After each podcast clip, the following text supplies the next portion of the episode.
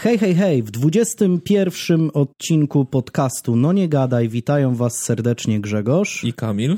Zróbcie sobie kawę, herbatę, yerbę i oczywiście zapnijcie pasy.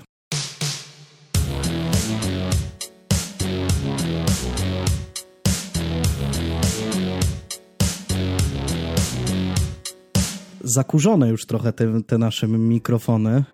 Już, już aż tak nieswojo się czuję w naszym studiu nagraniowym. Trzeba było pajęczynę zdjąć, bo minęło chyba 20 dni czy 21 e, od czasu, kiedy nagrywaliśmy, ale można się umówić i można udawać, że to po prostu drugi sezon teraz tak, jest. to jest drugi sezon. To jest drugi sezon. Poza tym ta pajęczynka dodaje klimatu trochę.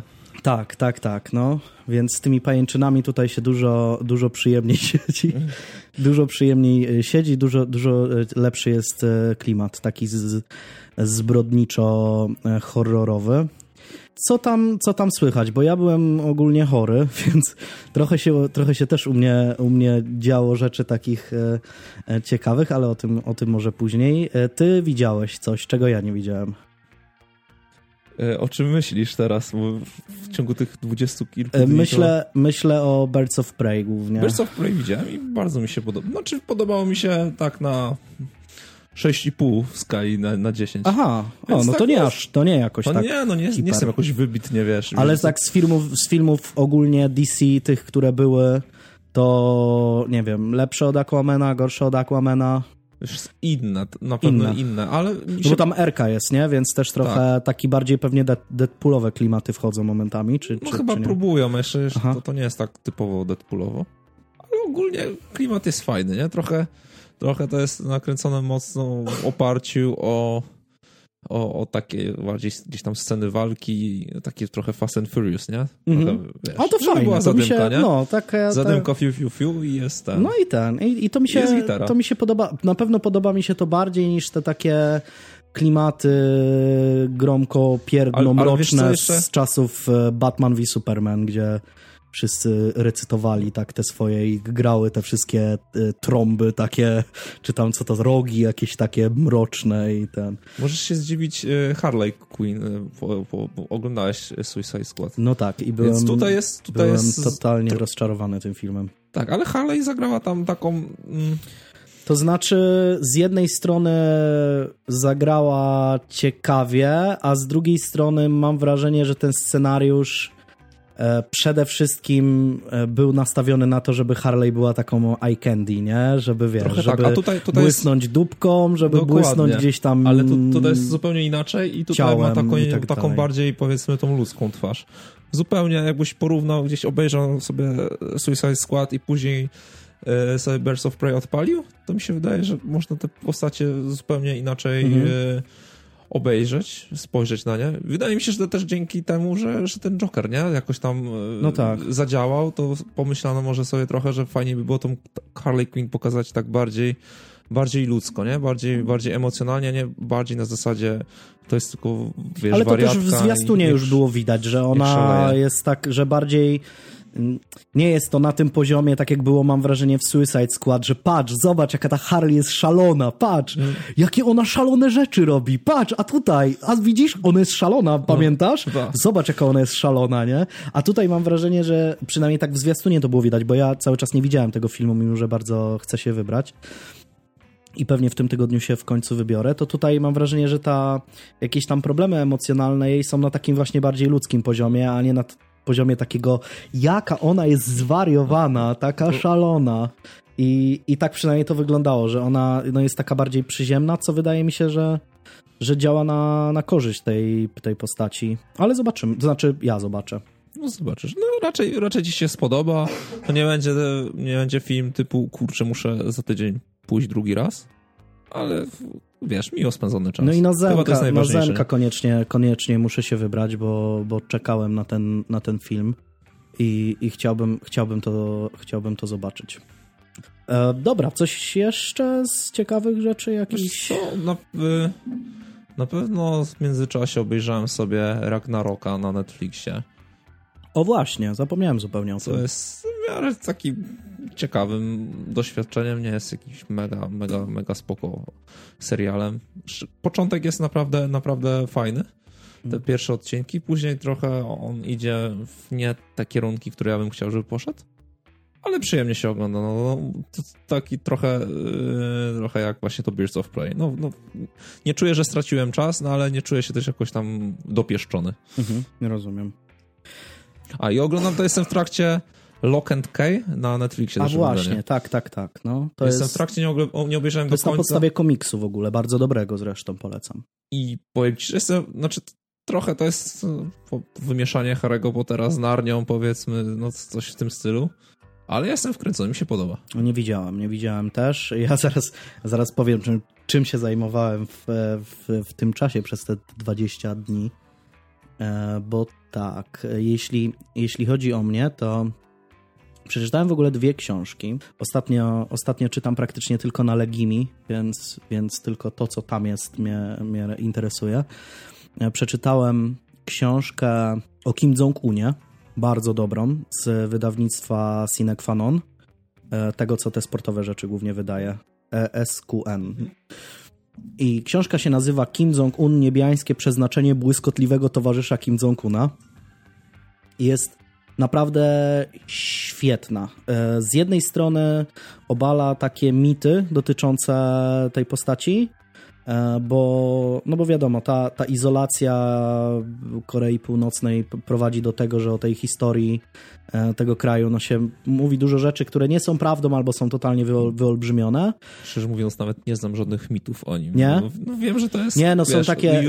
No, i, i, o Kim, Il, i o Kim Il-senie, i o Kim Il-senie, i o Kim Jong-ilu, i o Kim Jong-unie są jakieś takie mity, że na przykład podobno w Korei Północnej wszyscy wierzą wierzą w to, że Kim Jong-il wynalazł hamburgery na przykład, albo wynalazł koszykówkę, albo że tam podano w wiadomościach w którymś tam roku, że Korea w finale ym, mundialu ograła tam Niemcy 15 do 0, nie? Czyli jakieś tam takie historie.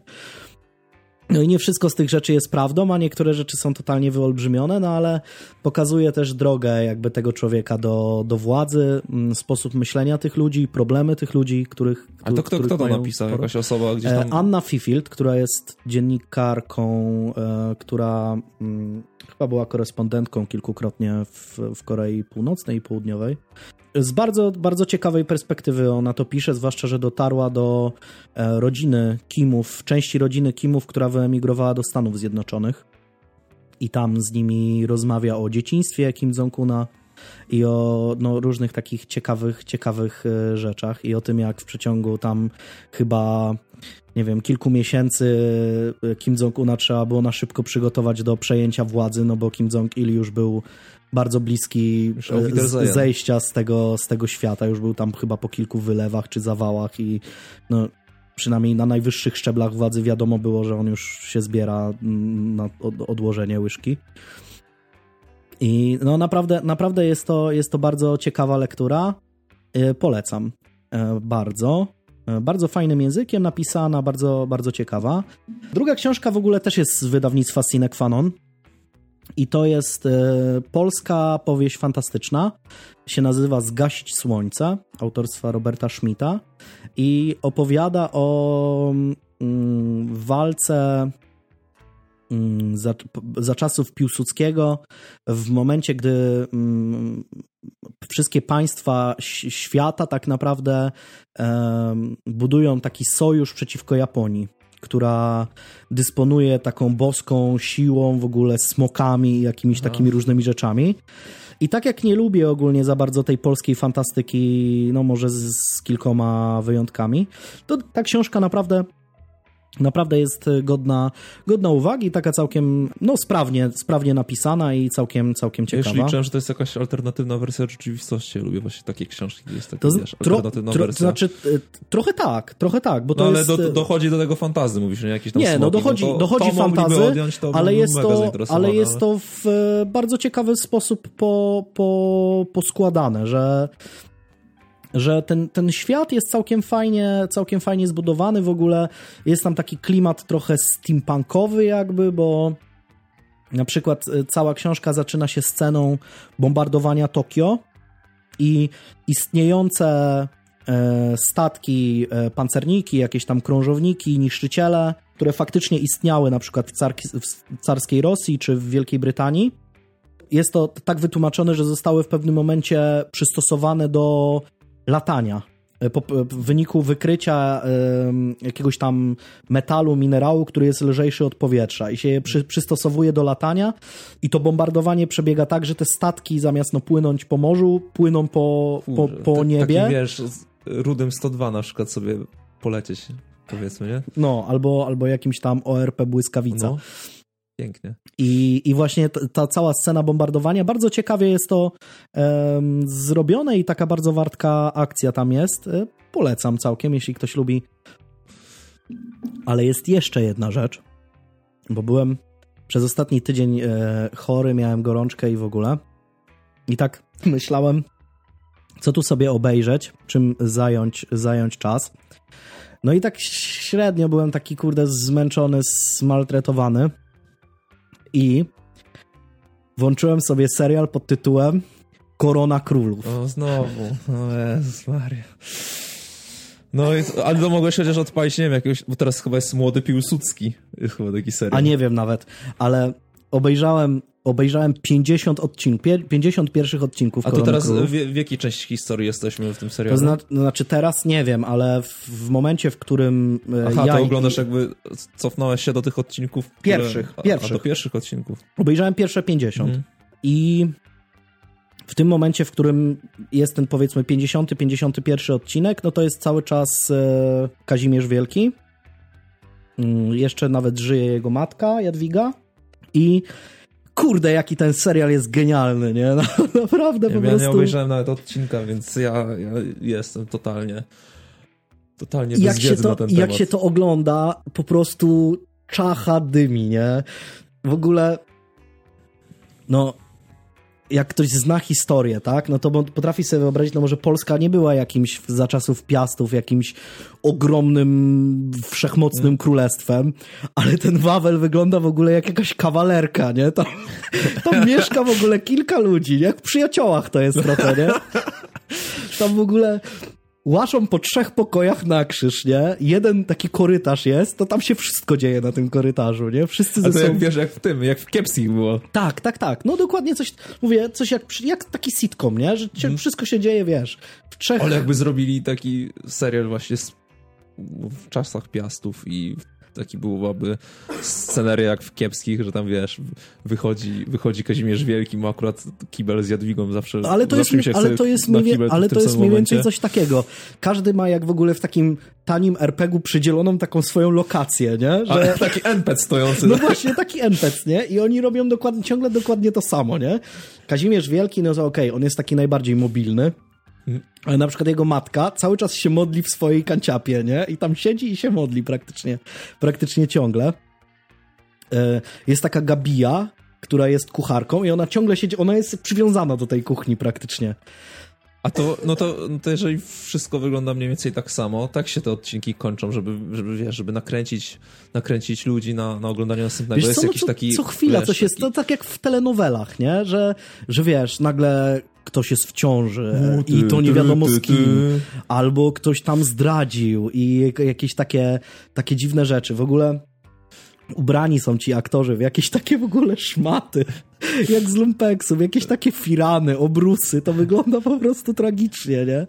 Ale no naprawdę, jak ktoś jest chory, to w, według y, zasady z y, tej piosenki z, z, na dobre i na złe, że gorzki lek najlepiej leczy, to, tak. to naprawdę Korona Królów to jest coś pięknego. Polecam, polecam, to jest, to jest genialne. Myślę, że jeszcze muszę trochę pooglądać, bo jeszcze mam trochę kaszel, ale myślę, że jeszcze tak z 10-15 odcinków obejrzę i już wyleczę się całkowicie. No ty ten kaszel to chyba już od początku grudnia cię No właśnie, cię, ale cię no tak, ja, ja tak mam.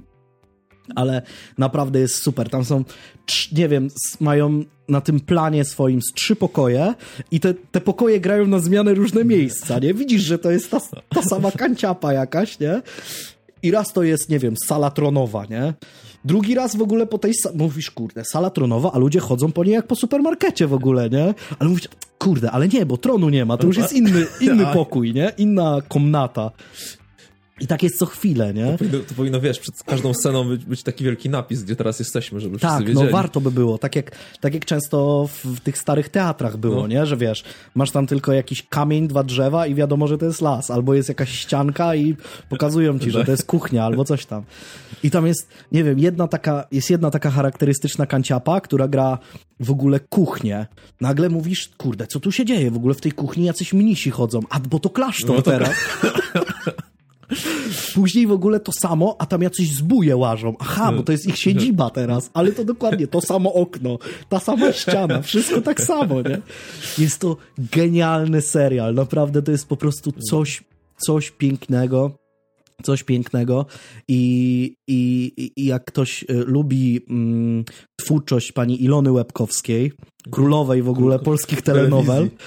Polskiej telewizji całej. I w ogóle telewizji, ja mam do tej pani w ogóle sympatię, bo nawet kiedyś jak e, był festiwal e, popkultury Dwutakt w Toruniu, to był wywiad z nią, była na tym festiwalu i to jest przemiła, przesympatyczna osoba i taka no z, z ogromnym doświadczeniem w, w, pracy w telewizji, ale no to, co zrobiła, to, co zrobiła w tym scenariuszu, to jest złoto, złoto. Jest, aha, ona, ona napisała Tak, scenariusz. ona jest autorem scenariusza. Nie wiem, czy całego, pewnie ma jakichś swoich tam przydupasów, z którymi pewnie jakieś historyczne rzeczy może... może tam, takich. Tak, no. Jakoś tam może, nie wiem, uzgadnia pewnie pewne kwestie historyczne, chociaż te kwestie historyczne są tak traktowane z takim przymrużeniem oka, się takie cuda dzieją, że naprawdę, no jeśli ktoś chce się uczyć historii z tego serialu, to naprawdę nie polecam. Ale, ale ogólnie serial czyste złoto, czyste złoto. Teraz już jest chyba 400 odcinek, czy 300 któryś, więc jeszcze daleko mam. E, poza tym chyba już Jagiellonowie są na bieżąco, tak? Więc, więc już tam się dużo zadziało ale z odcinka na odcinek w ogóle są przeskoki, 7 lat, dowiadujesz się dopiero trzy odcinki później, że to w ogóle jakieś tam rzeczy się zadziały, bo były bitwy, a bitew nie można pokazać, bo przecież to za dużo by musieli tam kasy wyłożyć, a nie mogłyby się na korytarzu na Wawelu zadziać bitwy. Naprawdę to było puszczane gdzieś o 12, jakoś krewka musiała polecieć. tak, tak, tak. No. Chociaż pamiętam na Polsacie kiedyś leciały zdrady, taki mhm. paradokument. Tak, tak, tak. tak Leciało tak. to o 20, a zawsze punktem kulminacyjnym była, był ten akt zdrady i to było tak nakręcone, że było wszystko totalnie widać. No, to, no nie, no trochę, trochę pikselozy było nałożone mhm. w najważniejszych miejscach, no ale no i tam bitki też często były. Ojej, jeszcze. jaka no. bitka fajna czasami no. się trafiała. Jak u Jerego Springera. Dos o, Jerry! To, był, to Jerry. był program, to był program, to było złoto. To było mistrzostwo świata. Dobra, no e, Korona Królów polecam i polecam książkę o Kim Jong-unie, naprawdę, naprawdę warto. Korona, ale Korona Królów to jest y, coś, coś pięknego. Warto, naprawdę warto, bo no o Boże. o, można ozdrowieć od razu, od razu, naprawdę. Dobra, to chyba, czy jeszcze coś? Nie. To nie, chyba, chyba to chyba wszystko.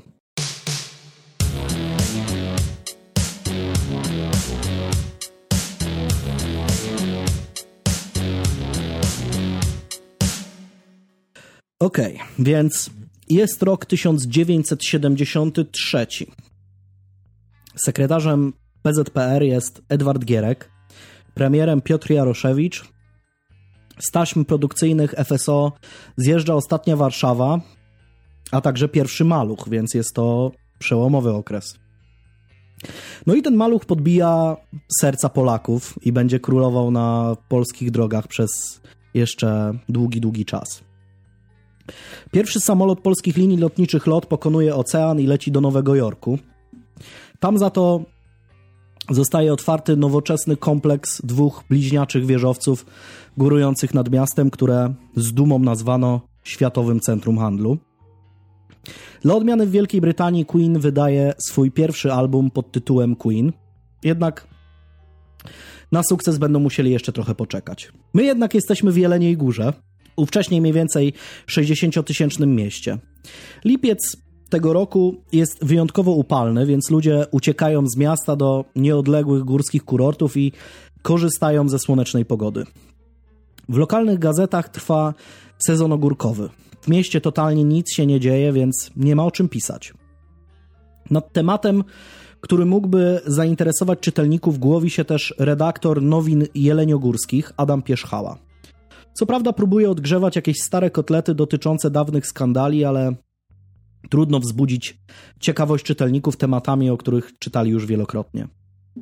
No, szczególnie, że nie było wtedy Majdanów na przykład, ani wiesz, jakieś Julii Wieniawy. No, no tak. Nie, no. nie było o czym pisać. Więc tak przez cały lipiec facet szuka tematu, ale no nic. Miasto zamarło, tematów brak. Jednak do czasu. 31 lipca do redakcji Nowin przychodzi koperta bez adresu nadawcy. No ale był to stary numer. Jeśli ktoś chciał podkablować na kierownika czy innego dyrektora, to po prostu rozsyłał anonimy oczerniające typa, gdzie się dało. Zdarzali się też czasami jacyś sfrustrowani przeciwnicy władzy ludowej, którzy odgrażali się, że podpalą komitet partyjny albo podłożą bombę pod komisariat milicji obywatelskiej. Zazwyczaj nie miało to żadnego poparcia w rzeczywistości, no ale zdarzali się tacy ludzie. Ten list jednak zdecydowanie jest inny niż wszystkie i już jego pierwsze słowa dosłownie mrożą krew w żyłach, zapowiadając, że tym razem autor nie rzuca słów na wiatr. Na wiatr. Oto jego pełna treść.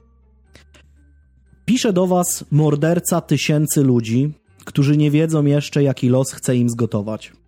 Oni jeszcze żyją, cieszą się latem, miłością, sukcesami, które osiągają, młodością bądź też spokojną starością. Jestem młodym, niespełna 22-letnim człowiekiem, którego życie zmieniono w piekło, w piekło porażek, rozczarowań i upokorzeń. Mieszkańcy mego miasta są przyczyną tego wszystkiego. O, nie wszyscy, garstka zaledwie, lecz w myśl zasady odpowiedzą wszyscy za jednego. Zdaję sobie sprawę z tego, jak nieludzki, ohydny ma być mój czyn, ponieważ nic nie mam już światu do powiedzenia, oprócz słów pełnych jadu i nienawiści. Nic do ofiarowania. Chcę mu się zrewanżować w podobny sposób, w jaki on potraktował mnie rękami istot go zamieszka- zamieszkujących. Nie chodzi mi o sławę, nawet sławę niechlubną. Chcę pozostać w cieniu swojej zbrodni. Tylko tak można bowiem nazwać wrzucenie do przepompowni miejskich wodociągów 1,5 kg czystego cyjanku potasu. Napis na opakowaniu 50-kilogramowego pojemnika, w którym był przechowywany brzmi Cianuro di potasso. Produkt pochodzi ze słonecznej Italii i z rządzeniem losu zgasi słońce w oczach tych, którzy w dniu 31 lipca odkręcą kurki swych kranów, aby zużytkować chłodną i orzeźwiającą wodę z podgórskich strumieni. Nadszedł w końcu czas, aby wyjawić nazwę miejscowości, chyba że stempel pocztowy wcześniej to zdradził. Otóż jestem mieszkańcem Jeleniej Góry i wy również padniecie ofiarą mojego występku. Data jest oczywiście fikcyjna. Muszę się liczyć z tym, że będziecie usiłowali walczyć o życie swoje i innych. W gruncie rzeczy nic nie macie z wyjątkiem informacji, które celowo, dobrowolnie sam wam podsuwam. Mój plan Polega bowiem na wywołaniu najpierw paniki, na postawieniu następnie na nogi całego aparatu służby bezpieczeństwa publicznego. Mój plan polega bowiem na wywołaniu najpierw paniki, na postawieniu następnie na nogi całego aparatu służby bezpieczeństwa publicznego, a dopiero gdy nasycę swój zbrodniczy umysł efektami przeze mnie wywołanymi, dokonam dopiero swego zbrodniczego dzieła. Zginę również lecz w tym wypadku sam o tym zdecyduje, a nastąpi to dopiero wówczas, gdy nagłówki gazet całego świata doniosą o moim czynie. Oczywiście bez podania nazwiska sprawcy całego kataklizmu. Dzień żałoby ludzi tego kraju będzie równocześnie dniem mojego triumfu. Szkoda, że jedynego i ostatniego zarazem. Nie.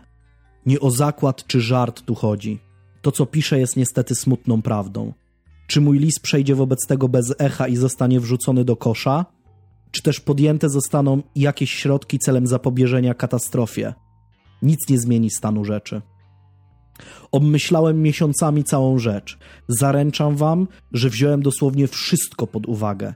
Na przykład to, że MO będzie usiłowała wykryć autora listu lub też zabezpieczyć całą sieć kanalizacji. We wszystkich punktach, w których możliwy byłby podobny sabotaż. Ubytek trucizny również nie został i nie zostanie dostrzeżony, ponieważ ten ubytek uzupełniłem substancją o podobnych właściwościach fizycznych. Została ona zresztą już zużytkowana. Źródła skąd pochodziła, ani czasu jej zaginięcia również nikt nie będzie w stanie określić. Pozostaje wam wobec tego tylko oczekiwanie na ponury finał mojej działalności.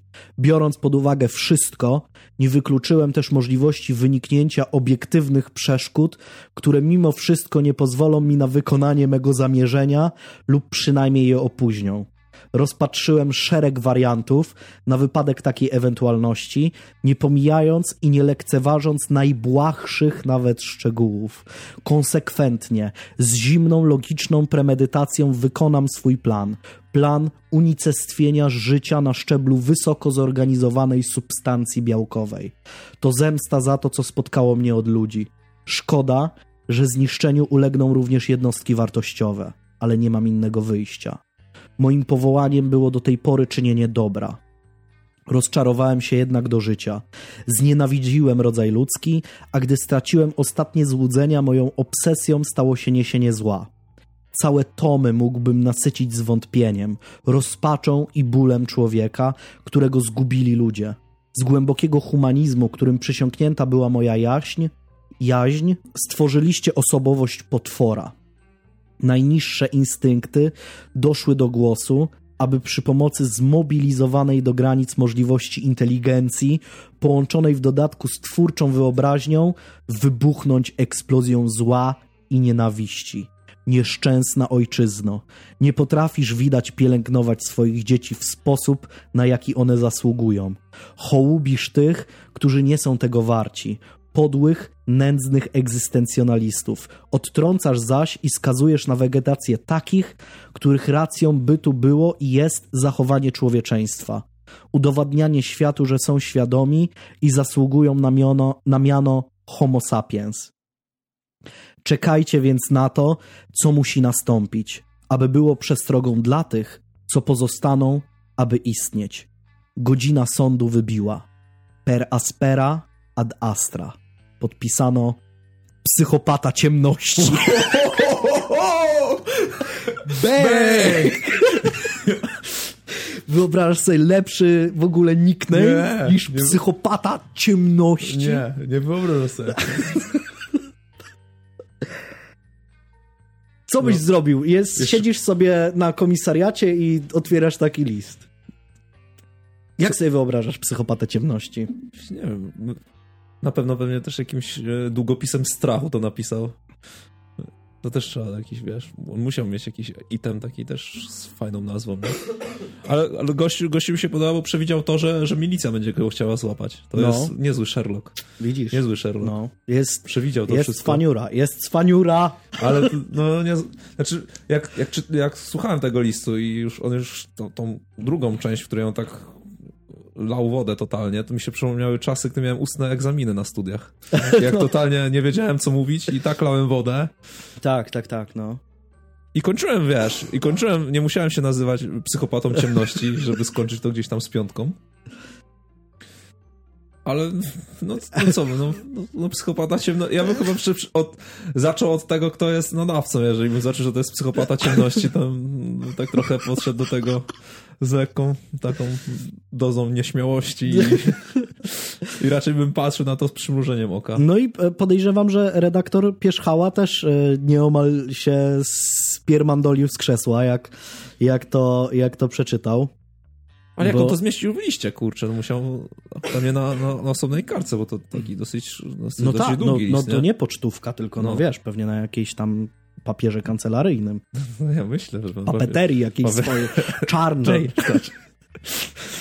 E, no i e, wszystkie jakieś tam anonimy z pogróżkami i takimi różnymi rzeczami ci dziennikarze Nowin Jeleniogórskich przekazywali dla świętego spokoju milicji.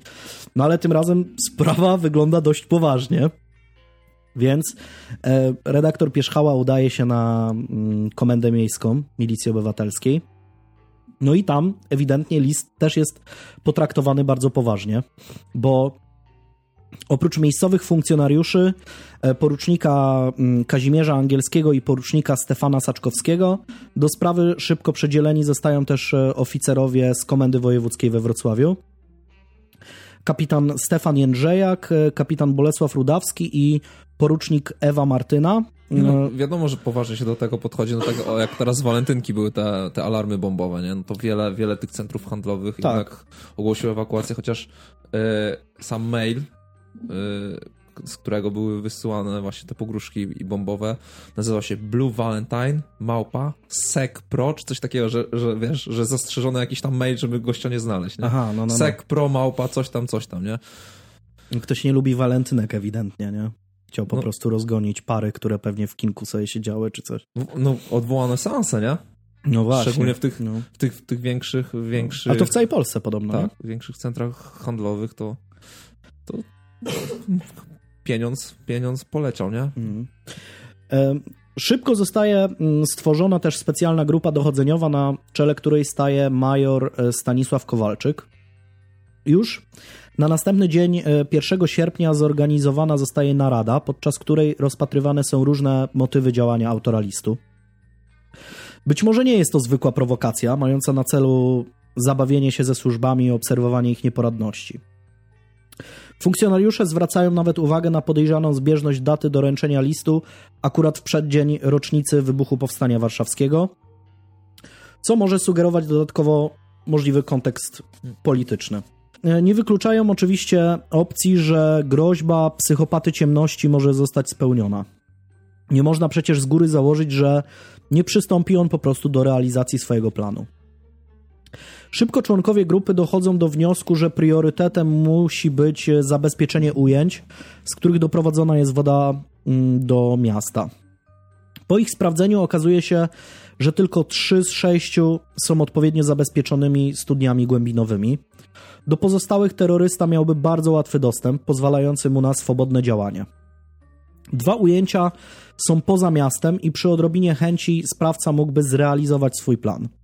Ostatnie ujęcie, co prawda, znajduje się w samym mm, mieście, w Jeleniej Górze, przy ulicy Nadbrzeżnej, ale budynek jest całkowitą ruiną i przez co swobodnie może wejść do niego każdy i nie, nie niepokojony przez kogokolwiek. Wieże ciśnień, do których spływa woda z ujęć, są kolejnym słabym punktem. Nie mają one stałego personelu, bo większość mechanizmów jest zautomatyzowana więc niepotrzebny jest nawet ciągły dozór ludzi. Autor listu, chcąc zrealizować swoje groźby, nie musiałby zresztą nawet wchodzić do środka takiej wieży ciśnień, bo na przykład jedna z wież ma bezpośrednio nad swoim zbiornikiem otwór wentylacyjny i wystarczyłoby po prostu przez ten otwór wrzucić e, pakunek z dowolną rzeczą. No i mm, służby szybko mm, działają. Ujęcie przy ulicy Nadbrzeżnej dość szybko udaje się zabezpieczyć, więc nie stwarza ono już tak dużego zagrożenia. Milicja najbardziej obawia się, że psychopata ciemności postanowi zatruć wodę w ujęciu we wsi Ścięgny koło Karpacza. Składa się ono z 16 studni rozrzuconych po zalesionym terenie, a te zabezpieczone są jedynie prostymi pokrywami z łatwymi do sforsowania kłódkami. Plus ten zalesiony teren pozwala na działanie praktycznie w całkowitym ukryciu. Służby przystępują więc do bardzo zdecydowanego działania i zmobilizowana zostaje 70-osobowa kompania ZOMO, wyposażona w lornetki, krótkofalówki, a nawet noktowizory. Zomowcy mają strzec ujęć i zatrzymać każdego, kto będzie próbował się do nich dostać. 2 sierpnia nie da się już trzymać całej sprawy jedynie w zamkniętym gronie milicyjnym i aby ocenić potencjalne zagrożenie, zaproszono na kolejną naradę dyrektorkę Sanepidu, kierowniczkę zakładu chemii oraz dyrektora miejskich wodociągów. Gdy tylko jedna z kobiet dowiaduje się o groźbie z listu, dokonuje szybkich obliczeń, które mają na celu oszacowanie zagrożenia wynikającego z zatrucia ujęcia wody mm, cyjankiem. Wynik obliczeń okazuje się bezlitosny. Według wzoru wprowadzenie 1,5 kg substancji do punktu czerpania o najwyższej wydajności spowoduje, że stężenie trucizny w wodzie w jeleniogórskich kranach 25-krotnie przekroczy dawkę śmiertelną. Należy więc działać szybko i zdecydowanie, aby nie dopuścić do tragedii, która mogłaby być największą w dziejach całego kraju. Milicjanci na tamtym etapie oszacowali, że bez trudu ten człowiek mógłby wytruć całe miasto. Sytuacji nie poprawia fakt, że wodę trzeba badać na bieżąco. W kółko pobieranie próbek z ujęć, wożenie ich do laboratorium i oczekiwanie na analizę nie ma przecież najmniejszego sensu.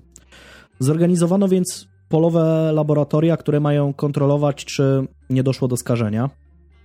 Prowadzi to jednocześnie do olbrzymich problemów technicznych, bo woda musi być zatrzymywana w specjalnych basenach, w takich odstojnikach jakby, analizowana i dopiero po zaliczeniu testu przekazywana do wodociągów, co powoduje czasowe przerwy w dostawach, a jest totalny upał. 7 sierpnia ma miejsce to, czego obawiano się najbardziej. W wodzie z trzech e, ujęć wykryty zostaje cyjanek. W jednym jest to 0,05, a w drugim 0,007 mg w litrze. W trzecim również zostaje, zostają wykryte, mm, ale jedynie śladowe ilości. Teraz już zdecydowanie nikomu nie jest do śmiechu. W trybie pilnym zostaje zwołany sztab kryzysowy i informacja o zagrożeniu jest oficjalnie przekazana do Miejskiego Komitetu Partii. Podczas obrad rozważana jest nawet opcja całkowitego odcięcia miasta od wody, ale przecież w najbardziej upalnym okresie taka decyzja mogłaby być fatalna w skutkach. Ze strachu przed konsekwencjami nikt nie chce wziąć odpowiedzialności za taką decyzję i taka nie zostaje finalnie podjęta. Do dalszych analiz wody zaprosza, zaproszeni zostają też specjaliści z, Wrocław, z wrocławskiego sanepidu, a nawet najlepsi w kraju eksperci w kwestii wykrywania substancji trujących z zakładu kryminalistyki Komendy Głównej MO w Warszawie. Jednak przyjazd na miejsce zajmuje im dobrych kilka godzin. Gdy przystępują do testów przy użyciu najlepszej dostępnej aparatury, wszystko wskazuje że, na to, że woda jest całkowicie czysta. Badania zostają powtórzone kilkukrotnie i nie podlega już wątpliwości, że doszło po prostu do błędu ludzkiego. Laborant, który badał wodę, popełnił błąd i nieprawidłowo zinterpretował wynik przeprowadzonej analizy. Co więcej, e, podporucznik Renata Zarzecka, będąca specjalistą z Wydziału Fizyko Fizykochemii Zakładu Kryminalistyki w Warszawie, dla pewności przeprowadza ponowne obliczenia szacujące zagrożenie wynikające z dostania się do wodociągów zapowiadanej ilo ilości cyjanku. I po raz kolejny wynik rachunków szokuje wszystkich, chociaż z zupełnie innego powodu. Jak się okazuje, w kranie przeciętnego mieszkańca Jeleniej Góry mogłoby się znaleźć co najwyżej 4,15 mg trucizny w litrze wody, podczas gdy dawka śmiertelna wynosiła aż 120 mg. W takiej sytuacji człowiek chcący nawet porządnie ugasić pragnienie kranówką naraziłby się co najwyżej na roztrój żołądka.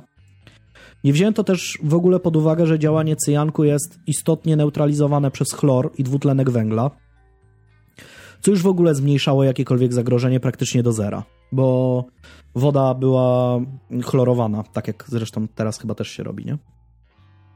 Najprawdopodobniej więc panika, która zapanowała wśród wtajemniczonych w nadchodzącą katastrofę, doprowadziła do najprostszych błędów w obliczeniach. Żeby uniknąć kolejnych nieścisłości wynikających z działań nieprzeszkolonych odpowiednio laborantów, postanowiono wprowadzić do kontrolowanych ujęć wody ciekawe usprawnienie. Jako, że ryby są bardzo wrażliwe nawet na minimalne stężenia cyjanku, e, przy filtrach kierujących wodę do wodociągów ustawione zostają akwaria z rybkami, dzięki którym można kontrolować skażenie wody. Podwyższone stężenie trucizny spowodowałoby ich śnięcie, co byłoby sygnałem, że należy natychmiast odciąć dopływ wody do miasta z danego źródła. Można więc już z prawie stuprocentową pewnością uznać, że plan psychopaty ciemności nie dojdzie do skutku. Jednak nie oznacza to przecież, że wszystko gra i buczy. Sprawę można zamknąć i rozejść się do domu. Trzeba przecież znaleźć tego Ancymona. Zwłaszcza, że zamieszanie, zamieszanie jest już bardzo duże. O trucicielu z Jeleniej Góry wiedzą już najwyższe szczeble władzy, które obserwują na bieżąco postępy w śledztwie, więc tema, tematu nie można od tak po prostu zamieść pod dywan.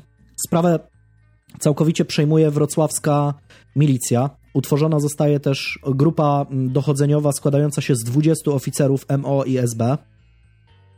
Ta zostaje podzielona na sześć odrębnych zespołów z konkretnymi zadaniami.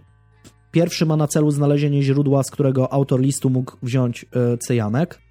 Drugi zajmuje się ustaleniem jego portretu psychologicznego. Trzeci prowadzi poszukiwania wśród przestępców, narkomanów i homoseksualistów. Nie wiem dlaczego akurat homoseksualistów, ale z tego co czytałem, to wtedy według ówczesnych metod kryminalistycznych homoseksualistów traktowano jak element przestępczy i bardzo często szukano wśród nich e, podejrzanych. E, uruchomiono też e, kilkunastu tajnych współpracowników mających pomóc e, w inwigilacji tych środowisk przestępczych. Czwarty zespół poszukuje próbek pisma podobnych do tego użytego w liście. Piąty kontroluje ten czwarty, analizuje dostarczone materiały i opracowuje instrukcje dotyczące poszukiwań dokumentów z próbkami pisma. A szósty zbiera wszystko do kupy i przygotowuje raporty, analizuje materiały i tak. Najszybszą drogą do schwytania psychopaty ciemności bez wątpienia w takim razie jest po prostu namierzenie zakładu, w którym mógł mieć on dostęp do cyjanku. Nie jest to przecież substancja, którą trzyma się byle gdzie i byle jak. Szybko ustalono, że w Jeleniej Górze i okolicach korzysta się z niego w 19 państwowych przedsiębiorstwach, a w większości z nich magazynuje się jedynie niewielkie ilości poniżej kilograma albo w okolicach kilograma, więc niemożliwe by było, żeby jakikolwiek pracownik wyniósł stamtąd półtora aż. Są jedynie cztery zakłady, których, w których korzysta się z przemysłowych ilości cyjanku. W magazynach jeleniogórskiej Polfy magazynowane jest około 200 kg, w spółdzielni elektrometalowej 150 kg, w Celwiskozie 58 kg, a w Hucie Szkła Julia w pobliskich Piechowicach 32 kg. Kolejnym istotnym tropem jest też wskazówka z listu, że mm, substancja pochodzi z Włoch i jest na niej napis cyanuro di potasso. Szybko jednak okazuje się, że e, zakładów korzystających z cyjanku jest dużo więcej niż zakładała milicja. I wśród nich są też zakłady prywatne, gdzie trudno było mówić o jakichkolwiek procedurach bezpieczeństwa. E, kontrole wykazują, że zwłaszcza właśnie u prywaciarzy różne silnie toksyczne i trujące substancje przetrzymywane są w sposób zagrażający nawet samym pracownikom, którzy przy odrobinie chęci mogliby wykraść praktycznie dowolne ilości trucizny. W niektórych miejscach funkcjonariusze służby bezpieczeństwa są zmuszeni wycofać się w ogóle z nalotu na takie miejsce, bo się boją o własne życie. Okazuje się, że cyjanek i różne inne chemikalia są tam trzymane po prostu jak cukier czy mąka. E, łącznie z akcjami, gdzie cyjanek jest po prostu rozsypany na posadce. Inne grupy śledcze też nie próżnują. Przygotowany zostaje portret psychologiczny psychopaty ciemności. Szacuje się, że ma on od 20 do 40 lat. Widocznie zignorowano fakt, że w liście ja podał... że 22 może No tak podał około. w liście. Mógł kłamać. Jest w końcu psychopatą ciemności. Ma prawdopodobnie wykształcenie średnie, techniczne lub niepełne wyższe bo pismo było staranne i podobne do pisma technicznego. Psychologowie stwierdzają, że pochodzi z raczej dobrego domu i otrzymał staranne wychowanie, ale ma niewielkie doświadczenie życiowe i raczej można wykluczyć przeszłość przestępczą, a tym bardziej więzienną. Posiada za to sporą wiedzę na temat terminologii prawniczej i struktury oraz sposobów działania służb. Dlatego Wzięto też na celownik byłych tajnych współpracowników lub kogoś, kto mógłby czuć się skrzywdzony przez służby, na przykład y, wyrzuconych ze służby milicjantów czy funkcjonariuszy służby bezpieczeństwa.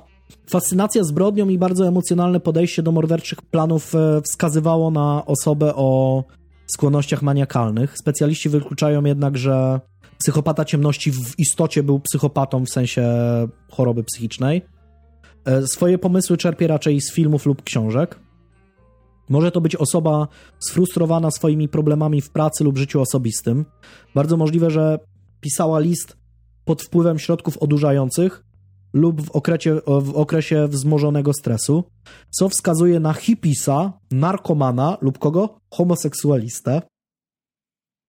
Może to być osoba przebywająca jedynie czasowo na terenie Jeleniej Góry lub okolic, na przykład na wczasach i z jakiegoś powodu zdecydowała się napisać taki list. I uwaga, słowa per aspera ad astra sugerują, że może to być osoba ze środowiska inteligenckiego lub studenckiego, bo widać, że sprawnie posługuje się łaciną. No tak. An analiza próbek pisma też trwa w najlepsze. Grafolodzy pracują w pocie czoła, ale Materiałów do przerobienia jest tak dużo, że w trybie natychmiastowym szkolą pozostałych członków grupy, aby ci też byli w stanie odciążyć ich od części prac. Fragmenty listu okazywano też różnym osobom mającym kontakt z odręcznym pismem, co również jest bardzo żmudną robotą. Odnotowano nawet, że pracownica poczty w Cieplicach pytana była o to, czy mówi jej coś ten sposób pisania. No i kobieta chwilowo się zawahała, ale mimo to odpowiedziała, że widzi je pierwszy raz. No i chwytano się praktycznie wszystkiego, bo na kobietę od razu, od razu założono całodobową obserwację. To była jedyna rzecz, która w ogóle, no był to jakiś punkt zaczepienia. Ona w Cieplicach mieszka?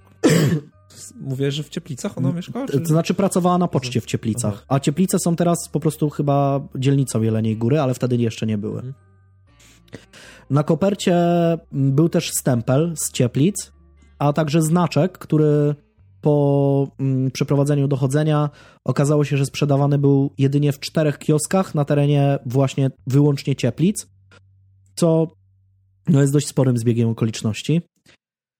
Akcja zakrojona jest na niebywałą skalę. Kilkuset milicjantów dokonuje rewizji w całym mieście i okolicach, sprawdza recydywistów i robi wjazdy na meliny. Podczas działań udaje im się znaleźć kilku poszukiwanych i wykryć kilkanaście przestępstw, tak po prostu przy okazji. Ale autora listu jak nie było, tak nie ma. Milicjanci SBC pracują dzień i noc, więc aby zmobilizować ich do działania i podnieść morale, komendant zgadza się nawet, by z pieniędzy operacyjnych finansować kawę i papierosy. W Stanach policjanci jedzą pączki, a w, w PRL-u widocznie piją kawę, wiesz, w tych takich szklankach z koszyczkiem takim. A, no to tak.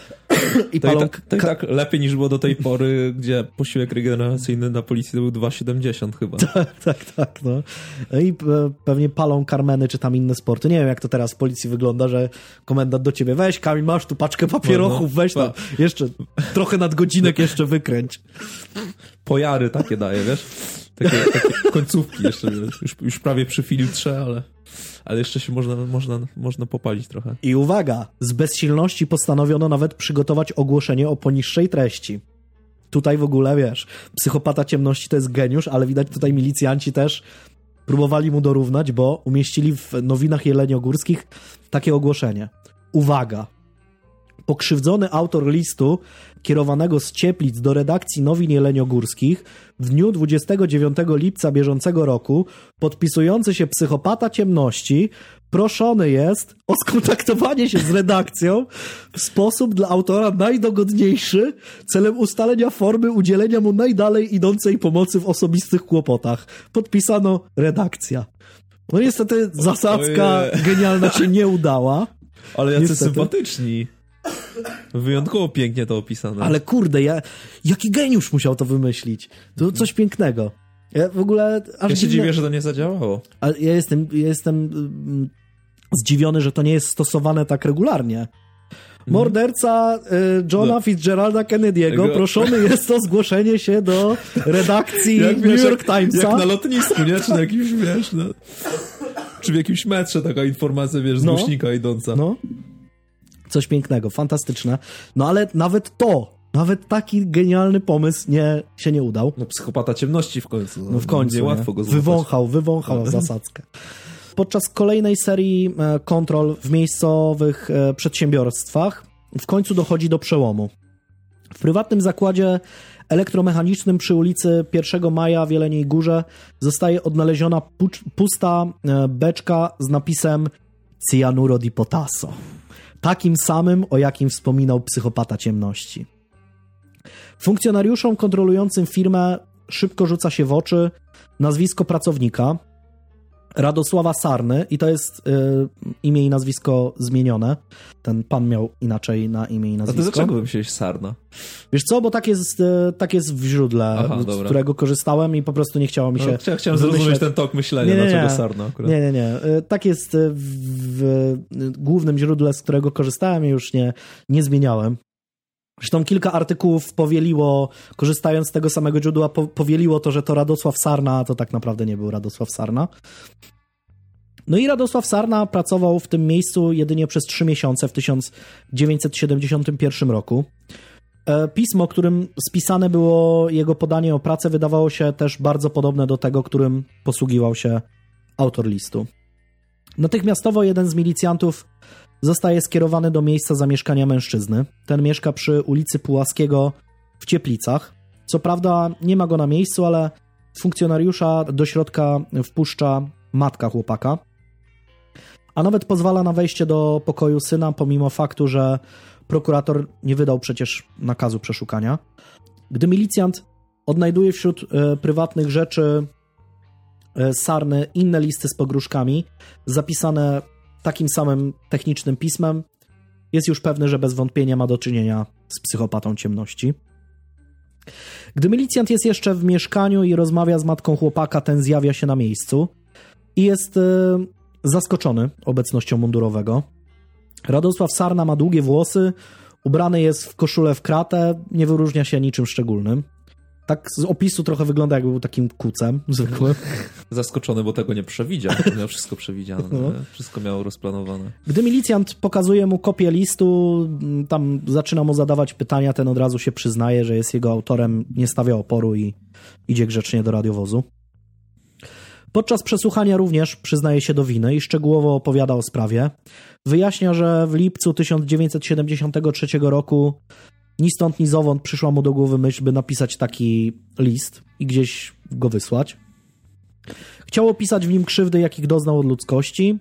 Przypomniało mu się, jak przed dwoma laty pracował w zakładzie elektromechanicznym, w którym rzuciła mu się w oczy be beczka z cyjankiem potasu z Włoch, więc po prostu opisał ją w liście.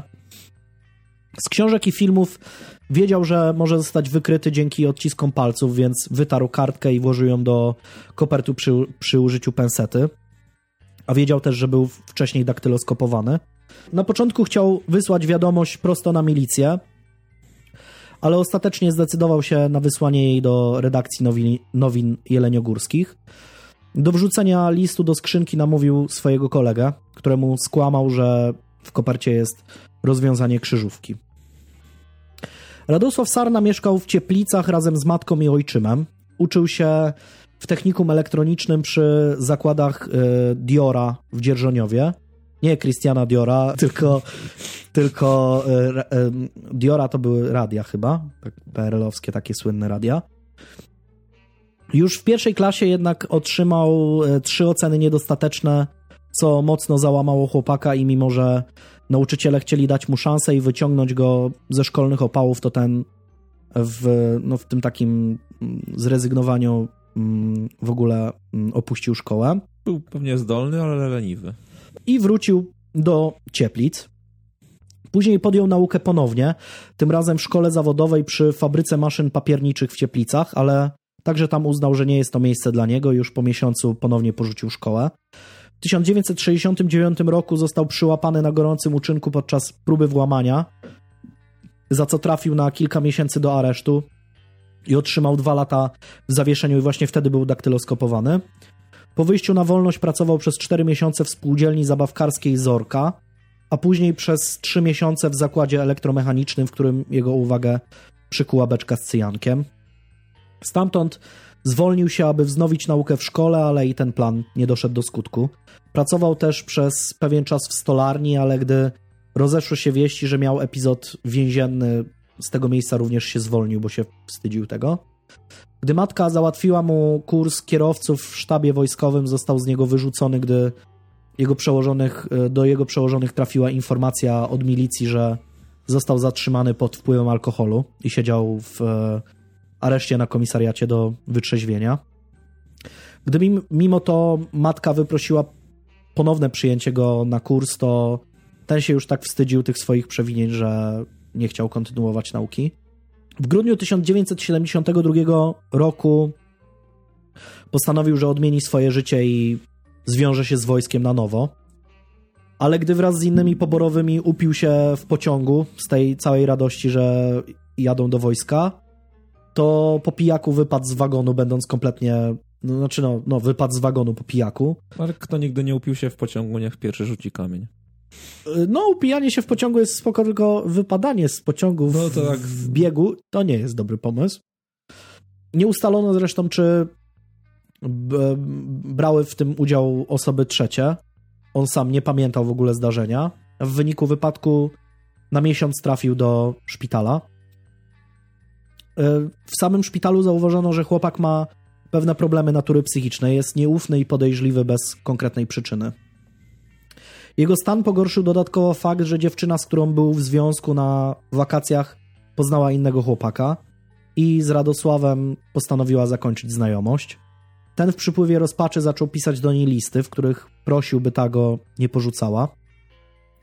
Gdy to nie przyniosło skutku, napisał um, do niej i groził, że ją zabije, a sam popełni samobójstwo.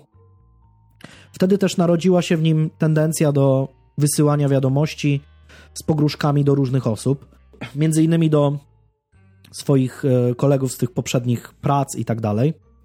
Odnosił się w nich bardzo często do krzywd, których doznał od ludzi, a także stawiał siebie w roli genialnego, inteligentnego zbrodniarza. W tym samym czasie napisał też list właśnie do nowin jeleniogórskich. Podczas badań psychiatrycznych chłopaka zdiagnozowano objawy psychopatii dystymiczno-histeroidalnej. Nie stwierdzono u niego niedorozwoju umysłowego, choroby psychicznej ani innych problemów emocjonalnych, które nie pozwalałyby mu rozpoznać znaczenia i konsekwencji zarzucanego mu czynu. Jak się okazało, specjaliści przygotowujący portret psychologiczny psychopaty ciemności bardzo mocno się mylili. Praktycznie cały ten portret psychologiczny można było wywalić do śmieci. 3 stycznia 1974 roku zapada wyrok skazujący chłopaka na 18 miesięcy więzienia, co jest werdyktem zaskakująco łagodnym na tamte czasy. I w końcu miał te 22 lata, czy? Tak, tak, tak. 22 lata, to trafiłem. Jak się okazało, już po zapadnięciu wyroku e, Radosław e, nie miał łatwego życia. Wychowywał się w atmosferze rodzinnych awantur. Trafił w ósmej klasie podstawówki też na obserwację w poradni zdrowia psychicznego, w wyniku czego w szkole rówieśnicy wyśmiewali go jako wariata. Do szpitala psychiatrycznego trafił w 1970 roku po wyjściu z więzienia. Rozpoznano u niego socjopatię i nieprzystosowanie do życia w społeczeństwie. Mimo tego ani rodzina, ani państwo nie wyciągnęło do niego pomocnej dłoni i pozwoliło na pogłębianie się jego problemów. Nadużywanie alkoholu też nie poprawiało jego sytuacji psychicznej. Miał co prawda wiele zainteresowań. Czytał bardzo dużo książek i pracy specjalistycznej, interesował się wieloma tematami. Gdy trafił do więzienia po sprawie z cyjankiem, przeżył kolejne załamanie nerwowe. Po wyjściu na wolność kilkukrotnie trafiał do szpitala psychiatrycznego, a także miał próbę samobójczą. W 1977 roku ponownie trafił do więzienia i w rozpaczy wysyłał listy z prośbą o pomoc do prokuratora, dziennikarzy, a nawet ministra sprawiedliwości. Dopiero po interwencji redaktora czasopisma Prawo i Życie mężczyzna został ponownie przebada przebadany przez psychiatrów i wykryto u niego schizofrenię, na którą prawdopodobnie cierpiał już od co najmniej 10 lat, a uraz głowy, którego doznał podczas wypadnięcia z pociągu, prawdopodobnie jeszcze bardziej pogłębił jego chorobę. No i w 2012 roku e, art, autor e, książki Czarna Wołga, kryminalna historia PRL, Przemysław Semczuk, odnalazł sprawcę całego zamieszania, tego pana Radosława Sarnę, który się nie nazywa Radosław, Radosław Sarna, a nawet udało mu się z nim zamienić kilka słów.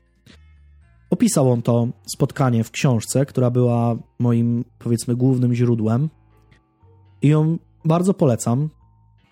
Odsyłam też po więcej informacji właśnie do tej książce, bo jest poświęcony tej sprawie cały rozdział. I jest to tak naprawdę jedyne miejsce, w którym ta sprawa została opisana. Co prawda została też e, e, ujęta w czasopiśmie Problemy Kryminalistyki, ale no, to wydawnictwo jest dostępne tylko do, jest w takim obieg, wewnętrznym obiegu policyjnym, więc raczej bez znajomości w MSW trudno... Na WS Polu pamiętam, że było w Szytnie. Tak, tak, tak. No, no właśnie raczej albo dla właśnie studentów e, jakichś takich około policyjnych kierunków, albo no dla policjantów jest to dostępne. A w przeciwnym razie raczej trudno się do tego dostać. Więc polecam w ogóle twórczość e, pana Przemysława Semczuka. Bardzo fajna jest ta książka Czarna Wołga. Jest tam dużo innych kryminalnych historii z czasów PRL-u. I mam nadzieję, że o ile pewnie, o ile nie czytaliście tej książki, to o tej sprawie nie słyszeliście, bo no bo jest, nie ma praktycznie źródeł na ten, na ten temat. W PRL-u ta sprawa była tajna zupełnie. Nie pisano o niej tak po prostu w gazetach i to, w dzienniku. Ta moja poprzednia historia z rabunkiem y, w banku to też w Czarnej Wodze była opisana. A, no Jest jeden rozdział właśnie no, no, no, w no, Czarnej no, no, Wodze. No. Więc to, to wszystko. Mam, mam nadzieję, że sprawa was zainteresowała. E, a, nawet udało mi się skontaktować z panem Przemysławem Semczukiem. Ucięliśmy, ucięliśmy sobie krótką pogawędkę. E, powiedział, że nie wie tak naprawdę, co teraz dzieje się z, ze sprawcą. Że był on. W, zresztą no ta, to spotkanie jest opisane w książce, no ale był on w bardzo słabej kondycji, zarówno finansowej, jak i psychicznej. Więc nie można wykluczyć nawet tego, że ten człowiek już nie żyje. Zwłaszcza, że już był też w zaawansowanym dość wieku. No i to, i to wszystko. Polecam, polecam książkę, bo tam można doczy, doczytać dużo, dużo więcej szczegółów. To wszystko.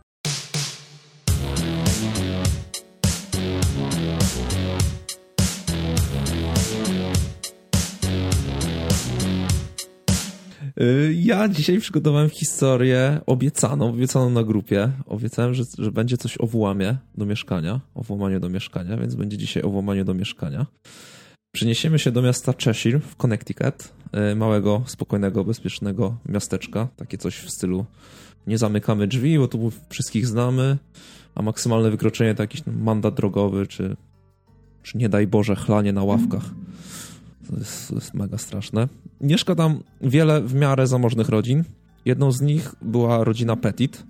Ojciec rodziny, dr Petit, jest endokrynologiem, jednym z wiodących ekspertów odnośnie cukrzycy. Na studiach, będąc studentem trzeciego roku medycyny, w szpitalu poznaje Jennifer Hawke, w którym ona pracowała jako pielęgniarka. Bill polubił Jennifer od pierwszego wejrzenia, próbując zwrócić jakby jej uwagę, udawał, że nie umie zmierzyć ciśnienia. Taki taktyka na podryw na fight łapę. Jennifer pokazała mu, jak poprawnie to wykonać, a wkrótce rozwinęła się między nimi szalona miłość. Jennifer y, była pielęgniarką pediatryczną, a kiedy Bill zakwalifikował się już na lekarza, zaczął specjalizować się właśnie, tak jak wspomniałem, jako endokrynolog, głównie y, w zakresie y, cukrzycy był ekspertem. Cenionym ekspertem w całych Stanach Zjednoczonych. Wkrótce zakochani pobrali się, a na świat przyszły ich dwie córki, Hayley, urodzona w październiku 1989 roku i Michaela, urodzona w listopadzie 1995 roku. Jennifer była bardzo troskliwą matką i z czasem cały jej świat zaczął się kręcić głównie wokół Hayley i Michaeli. Michaela, czyli najmłodsza z rodziny, uwielbiała gotować, oglądać programy kulinarne, do tego kochała zwierzęta i od niedawna była wegetarianką. Była znana ze swojej przemyślanej, takiej delikatnej natury. Lubiła na przykład spędzać czas pracując z ojcem w ogrodzie. Taki, lubiła takie spo, spokojne, spokojne czynności. Hayley miała 17 lat, była wysportowaną dziewczyną, uprawiała sukcesami wioślarstwo, a do tego wybierała się właśnie do prestiżowej szkoły w Dartmouth. Nie wszystko jednak w tej rodzinie było idealnie, bo w 1998 roku u Jennifer zdiagnozowano stwardnienie rozsiane, Hayley miała wtedy zaledwie 9 lat, ale była zdeterminowana, aby pomóc matce w każdy możliwy sposób. Napisała listy do przyjaciół i rodziny, prosząc ich o sponsorowanie jej fundacji, którą nazywała Nadzieja Hayley. Każdego roku przez 7 lat y, Hayley uczestniczyła w przeróżnych akcjach, gromadząc łącznie 55 tysięcy dolarów na walkę ze stwardnieniem rozsianym. Hayley była cicha, zdeterminowana i mądra, chociaż osiągnęła już tak wiele, e, zanim skończyła 17 lat. Jej skromność i powściągliwa osobowość oznaczały, że nikt tak naprawdę nie znał jeszcze do końca zasięgu jej możliwości. No i nic dziwnego, że Hayley trochę zamierzała pójść w ślady ojca. No miała, miała, miała ambicje do tego e, możliwości. I miała uczęszczać właśnie do tej samej szkoły co tata, o, o, o której wspomniałem, do prestiżowej szkoły w Dartmouth. I we wrześniu właśnie 2007 roku, kiedy dzieje się ta sytuacja, miała zacząć studiować medycynę. Mikela w tym czasie planowała przejąć od Hailey pałeczkę do zbierania funduszy na chorobę matki. Chciała zmienić nazwę fundacji na Cud Mikeli. Także mimo tych trudności trochę zdrowotnych, to pokazuje, jaką to zgraną rodziną e, była rodzina Petitów. Jaką trochę, trochę sielanka, taka rodzina, nie licząc tych problemów zdrowotnych. Cała historia trochę, trochę stworzyłem ją na zasadzie mieszanej takiej chronologii, więc żeby od razu nie sprzedać o co chodzi, ale myślę, że się wszyscy połapią. 22 lipca 2007 roku Mikala chce przygotować rodzinną kolację dla rodziny. Jedzie więc z mamą do miejscowego supermarketu Stop and Shop no, na zwykłe zaksy. Na miejscu parkują samochód i wybierają się do środka zrobić zakupy na kolację. Gdy już uzbierały w koszyk wszystko, co potrzebne, pakują to do samochodu i wracają do domu. Jadą krętą drogą przez las, a później, gdy drzewa się kończą, rozpościera się widok zamożnej ulicy z wieloma posiadłościami. Wracają do domu, zajmują się swoimi doczesnymi sprawami, nie mogąc do, doczekać się kolacji. No historia na razie nie jest jakoś porywająca, ale ona będzie ważna. Re, reszta dnia upłynęła spokojnie. Bill, Jennifer i Michaela uczestniczyli w niedzielnym nabożeństwie, po którym Bill udał się grać w golfa ze swoim ojcem. Jennifer i Michaela wybrały się na plażę, a Hayley spędzała czas z przyjaciółmi. W końcu Wieczorem pełnym czteroosobowym składem zasiadają do wspólnej rodzinnej kolacji i spędzają przy niej miły familijny czas. Gdy robi się późno, Jennifer wraz z dziewczynkami udaje się do swoich pokoi na górę, a Bill w trakcie czytania prasy medycznej zasypia na kanapie. Gdy wszyscy już śpią, nagle Bill, niespodziewanie, czuje mocne uderzenie kijem baseballowym w głowę. Napastnik zaduje mu tak kilka ciosów, po czym zabiera go do piwnicy i tam związuje. Napastników jest dwóch, Y, nagle stają się w mieszkaniu panami sytuacji. Tymi osobami są Joshua Komisarczewski i Steven Hayes. Steven Hayes był drobnym złodziejaszkiem, brał narkotyki i kradł, ogólnie grędził i ciągle trafiał, trafiał do więzienia. Jego rodzice rozwiedli się, gdy był dzieckiem. Zamieszkał z matką i dwoma braćmi, Matthew i Brianem. Według e, Matthew e, Hayes manipulował e, wszystkich wokół od najmłodszych lat oraz był bardzo agresywny. Jeśli miał problemy powstałe wskutek jakby jego złego zachowania, obwiniał o to innych, ale nigdy siebie. Często też mawiał bliskim, że jego ciemna strona jest wynikiem problemów psychicznych, ale według jego braci nie był do końca chory, ale bardziej przebiegły i wyrachowany. Mężczyzna miał córkę, która po rozwodzie rodziców zamieszkała z matką ale ojca widywała regularnie co tydzień. Opisała go jako zawsze dla niej dobrego i nigdy nie przejawiającego przemocy albo jakichś aktów agresji. Yy, w wieku już w sumie ponad 40 lat miał ze sobą pobyt w 17 zakładach karnych, więc wynik dosyć, dosyć spory i to pokazuje, jaką był osobą. Joshua Komisarczewski miał na swoim koncie drobne włamania, do prywatnych domów, co było jego niecną specjalnością. Mówił, że to lepsze narkotyki, kręciło go to. Z każdym włamem wszedł w sumie o krok dalej, za którymś razem włamał się podobno do domu policjanta i ukradł mundur. Nie do końca y, liczyło się dla niego y, to, co ukradnie, tylko samo to, że dostanie się do środka i sam, samo to uczucie przebywania wśród śpiących i niczego jakby nieświadomych domowników. Był dzieckiem adoptowanym, był niezwykle inteligentny, ale z wiekiem coraz częściej wpadał w tarapaty i zaczął wskazywać niezdrowe zafascynowanie ogniem.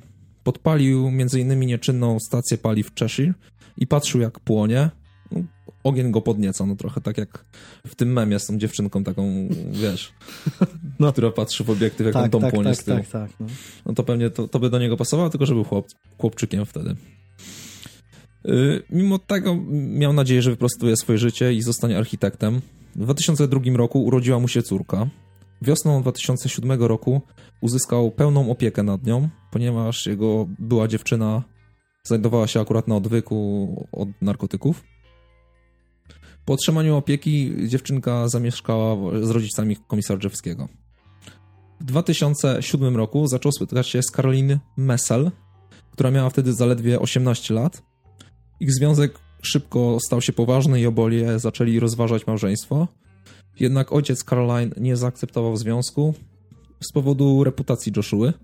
Uważał również, że mężczyzna ma skłonności pedofilskie, ponieważ Caroline, mimo swojego wieku, nie była zbyt rozwinięta fizycznie, tak to nazwijmy, i wyglądała bardziej jak dziewczynka. Hayes i, i komisarz Drzewski poznali się w 2006 roku no i połączyło ich wspólne zamiłowanie do rabunku, narkotyków oraz chęci posiadania dużych pieniędzy. Podczas jednych z pogawędek przy piwku George zaproponował, że dokonają wspólnie rabunku na któreś z bogatych mieszkań, gdy Hayes zaczął marudzić, że nie ma pieniędzy i został wyrzucony z domu przez matkę. Także to był świetny pomysł Joshua, żeby pomóc przyjacielowi e, w ogarnięciu spraw finansowych. Joshua zaparkował pod Stop and Shop, wypatrując klientów wyglądających na zamożnych. Gdy widzi matkę z córką, które przyjechały drogim samochodem, postanawia je śledzić aż do ich domu.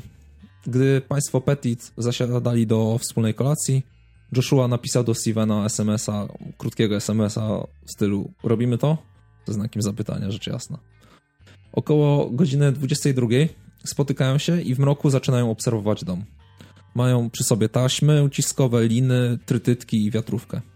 Zakładają kominiarki i udają się w kierunku domu. Po drodze jeden z nich zauważa kij baseballowy i zabiera go ze sobą.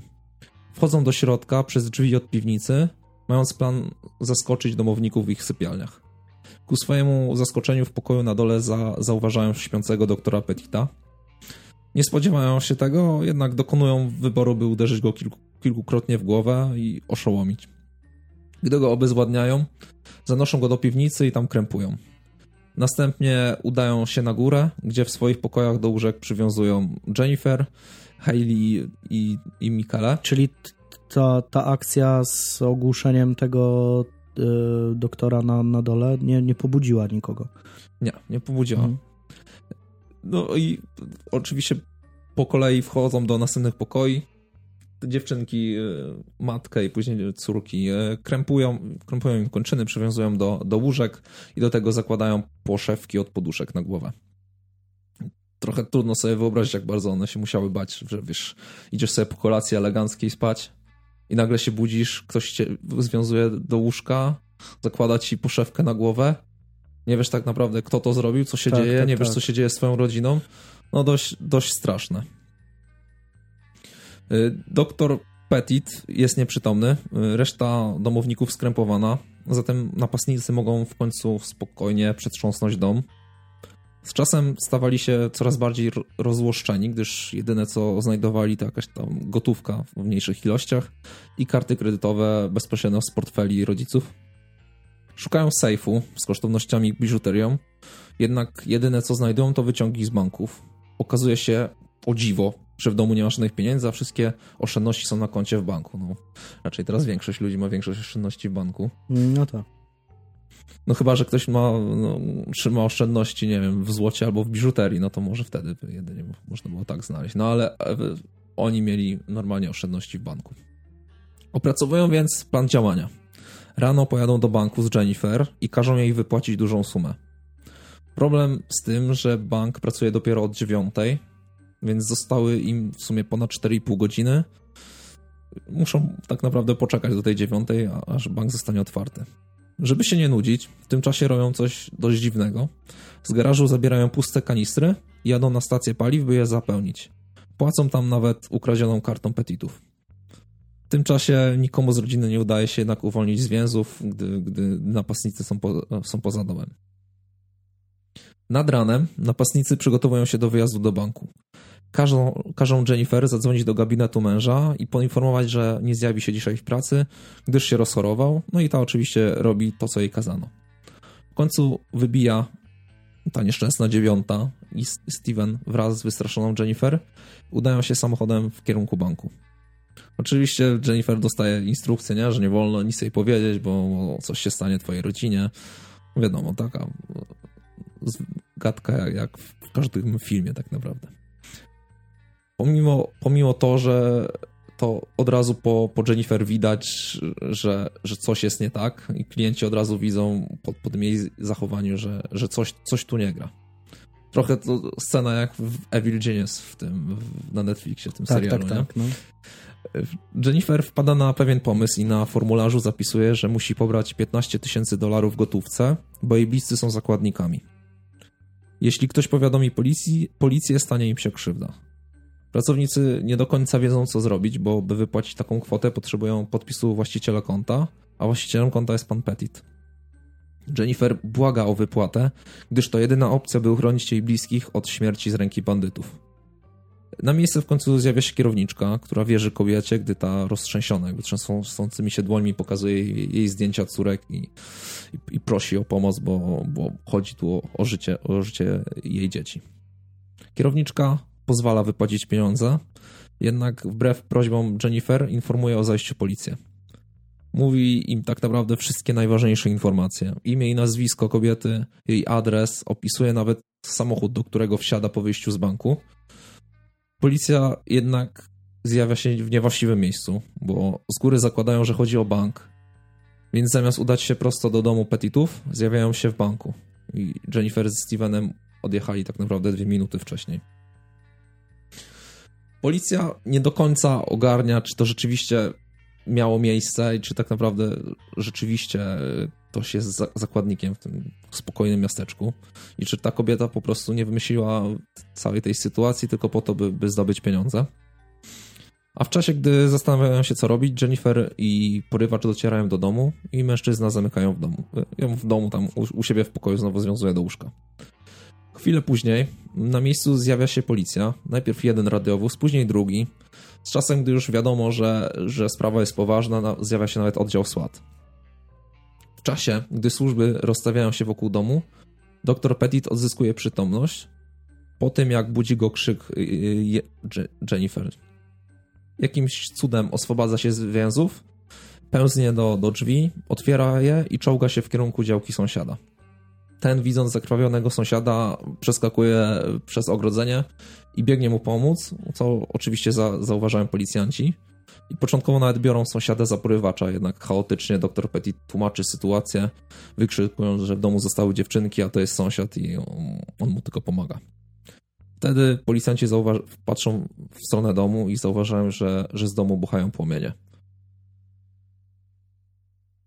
Międzyczasie, gdy Jennifer pobiera pieniądze z konta, y, w domu dzieją się kolejne okropności. Bo Joshua, korzystając z okazji, że jest sam w domu, wchodzi do pokoju najmłodszej, 11-letniej Mikeli, używając nożyczek rozcina jej ubranie i gwałci, co później potwierdzają zdjęcia znalezione u niego na telefonie. Gdy Steven wraca do mieszkania, najprawdopodobniej dowiaduje się o czynie Joshua, i sam w sumie nie wiadomo z jakiego powodu, z jakiegoś chyba wyrównania, dorównania tego, czyn, tego czynu, który dokonał e, Joshua, to on gwałci matkę, czyli Jennifer. Rzuca ją na stół i, i, i gwałci e, tą matkę. Jej krzyk, właśnie o którym wspominałem, budzi doktora Petita, który wydostaje się na zewnątrz. Porywacze widzą przez okno ucieczkę jednego z zakładników i widzą też, że policjanci y, dosyć szybko się tam koło niego pojawiają.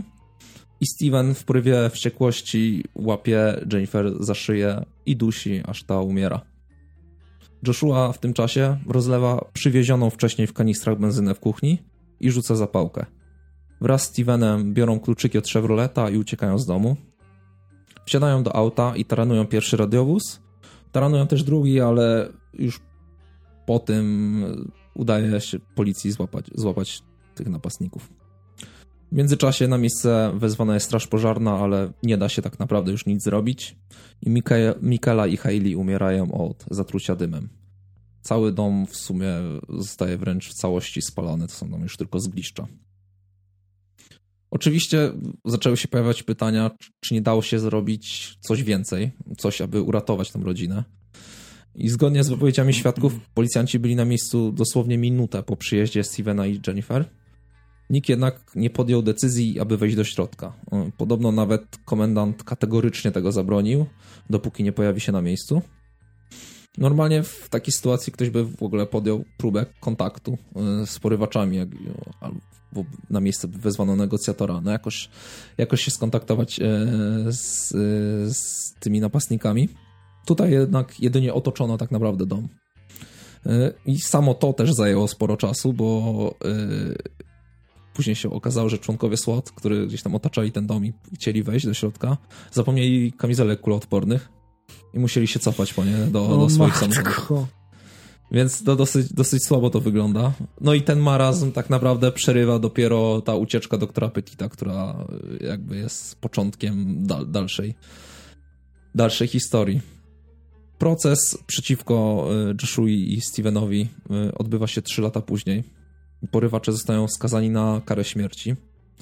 W 2012 roku w stanie e, jakby usunięto karę śmierci, nie? Mhm. Już nie można tam zostać skazany na karę śmierci i zostaje ona zamieniona dla komisarzewskiego i dla Hejsa na dożywocie bez możliwości wcześniejszego zwolnienia no dość, no, no, taka kara, no wiadomo, jaka no, powinna być taka kara, no jednak trzy ofiary śmiertelne i się pojawiły ich niecnych czynów. Szczególnie Ale ten... to w momencie, kiedy w momencie, kiedy oni e, tam weszli i oczekiwali na to, no, na to otwarcie banku, to już wtedy widocznie mieli w planach podpalenie tego domu, co, tak dlatego, czy inaczej. dlatego wspomniałem na początku, jak mówiłem o Joshui, no. że miał e, straszne zafiksowanie na ogień. I Aha. dlatego też wspomniałem o tym, że on w młodości e, podpalił jakąś stację benzynową nieczynną no. E, też w tym miasteczku. Nie, no bo to tak mo też... można, by, można by wywnioskować, że oni jakby w panice przed tym, co, co że zauważyli i policję i tak dalej, to że wtedy pod, jakby postanowili podpalić mimo wszystko nie, ten dom. Znaczy tego, A wygląda na to, ja że to, oni tak czy inaczej Ja, ja sobie to tak tłumaczę, że e, to jest e, głównie pomysł tego Joshua, nie? No, no, no. Który, który miał, miał fiksa na, na, na, na palenie w ogóle czegokolwiek, mm. na ogień. Nie miał fiksa pedofilskiego typowo, nie? O czym no. wspomniałem, że miał jakąś tam dziewczynę, mm. która fizycznie, tak, powiedzmy, tak, tak. bardziej przypominała dziewczynkę niż dorosłą kobietę. Mhm. O Jezu, koszmar, koszmarna no, his, historia. No mówiłem, że, że poszukam, poszukam z włamem coś, co jest naprawdę grube. No. I mi się wydaje, że to jest totalnie grube, bo plus, plus ten, to podłożenie ognia to, to też... Ale to nie miało prawa się udać w ogóle przecież. No nie miało, no za bardzo. No ale wiesz, oni by chociaż nawet by odpuścili sobie ten ogień, to przecież by, wiesz, no, to by te dziewczynki żyły, nie? Cały no czas. tak, no, no, no, no właśnie, nie? To, to nie to nie miało żadnego sensu tak naprawdę, nie? Takie no działanie tak... kompletnie poza jakąkolwiek logiką. Zupełnie poza no. jakąkolwiek logiką, tak jak mówisz. No. Y, no i upieszałość policji też straszna tutaj, bo też to można było rozwiązać zupełnie inaczej i, zup i dużo lepiej. Mm. No. Zgliszcza samego domu zburzono. Mm, zrobiono to z inicjatywy Petita i później z inicjatywy też jego i lokalnej społeczności na tej działce stworzono ogród upamiętniający trzy zmarłe kobiety. W ogóle ta postać doktora Petita może nas wiele nauczyć, bo przeżył ten niewiarygodny koszmar, ale próbuje jakby stworzyć z tego coś pozytywnego. Założył fundację rodziny Petitów, stanął ponownie na nogi, zajął się polityką i stał się nawet członkiem kongresu. Hmm nie, no nie załamał się i w miarę możliwości próbuje jakby to przekuć swoje nieszczęście w coś pozytywnego, przy tym jakby wspaniale dbając o, o pamięć, o pamięć swojej, swojej rodziny. No, no wy, wyjątkowo straszna historia z takim no słodko-gorzkim zakończeniem, że jakoś sobie ten człowiek potrafi potrafi z tym poradzić. Z, te, z tego, co, co widziałem w jakimś filmie, to już nawet założył sobie gdzieś tam drugą rodzinę, więc, więc mm. widać, że, że stanął na nogi. Ułożył sobie jakoś tam życie, życie na nowo. No, no, no stra, straszna historia. Pewnie zdjęć będziesz, e, będziesz miał trochę, trochę co do tego. Trochę będzie, no. W mojej sprawie praktycznie zdjęć w ogóle nie ma, więc, więc pewnie tak jak, tak jak ostatnio e, na, na, grupie wspominałem, że będzie coś z grubym włamem i to mi się wydaje, że... No i dotrzymałeś. Go, gorszego końca niż tak naprawdę kładziesz będąc taką 11-letnią Mikelą, kładziesz się spać po rodzinnej jakiejś imprezie, no, jaki na której być... zrobiłeś jakąś, wiesz, mega fajną kolację, bo, bo się mm. jarasz kulinariami, nie? I Straszne. kładziesz się spać i nagle ktoś cię przykuwa do łóżka, zakłada mm. ci poszewkę na głowę, później, no, no już nie wiesz, co, mówił, nie wiesz, co, nie wiesz, co się dzieje zupełnie, no coś, no coś strasznego. Coś strasznego. No co, no zgniją w więzieniu, no. No i tyle. Tyle. Um, dobra, no to no to w takim razie w takim razie wszystko. Mamy nadzieję, że że słuchaliście z uwagą. Nie wiadomo, kiedy teraz się widzimy, ale. Nie wiadomo, kiedy się, kiedy się widzimy i kiedy będzie następny odcinek, ale na pewno, na pewno będzie, jak tylko będziemy mieli okazję się spotkać i, i nagrać, nagrać kolejny odcinek. To z nie no, spotkać się, się, na pewno będzie okazja, tylko gorzej wiesz, z przygotowaniem no, tego i nagraniem. No, spotkać, spotkać do, do nagrania głównie mi chodzi, nie? Um, bo, to, bo to zawsze wymaga wymaga trochę czasu. No ale tradycyjnie do następnego i trzymajcie się. Cześć.